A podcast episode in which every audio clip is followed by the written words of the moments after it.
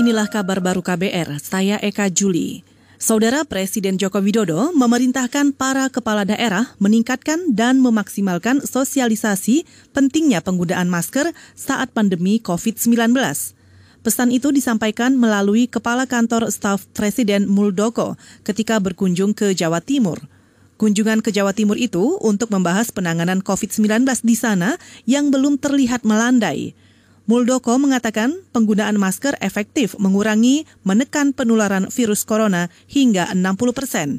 Ia juga mengingatkan masyarakat untuk berdisiplin melaksanakan protokol kesehatan, termasuk menggunakan masker secara benar agar kurva penularan COVID-19 di tanah air bisa landai. Ya, pesan khusus Presiden sangat jelas ya.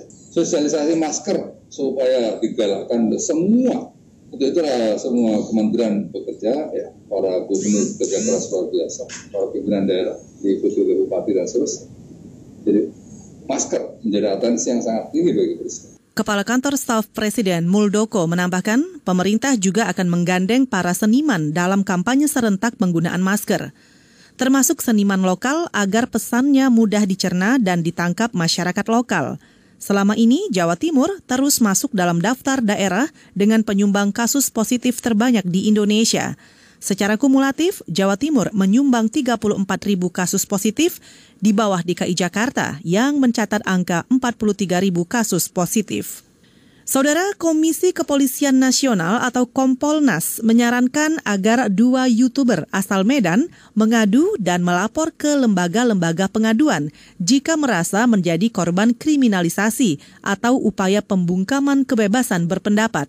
Dua orang penggugah video YouTube yaitu Joniar Nainggolan dan Benny Edward Hasibuan ditetapkan sebagai tersangka oleh polisi karena menyebut ada polisi tidak membayar pajak kendaraan bermotor. Anggota Kompolnas Pungki Indarti mengatakan lembaganya akan menindaklanjuti jika dua YouTuber itu sudah melapor bisa juga melaporkan misalnya kepada pengawas internal dan pengawas eksternal kepolisian sehingga bisa ditindaklanjuti. Misalnya ya yang dilaporkan sesuai dengan fakta ternyata benar tapi ternyata nggak direspon kok malah yang lapor dilaporkan gitu ya. Malah dikriminal misalnya seperti itu. Atau bisa lapor juga ke Kompolnas bisa lapor ke Ombudsman bisa lapor ke Komnas HAM sebagai pengawas eksternal Polri Anggota Kompolnas Pungki Indarti juga menyarankan dua YouTuber itu mengajukan gugatan pra-peradilan terhadap penetapan tersangka jika merasa ada proses hukum yang tidak benar.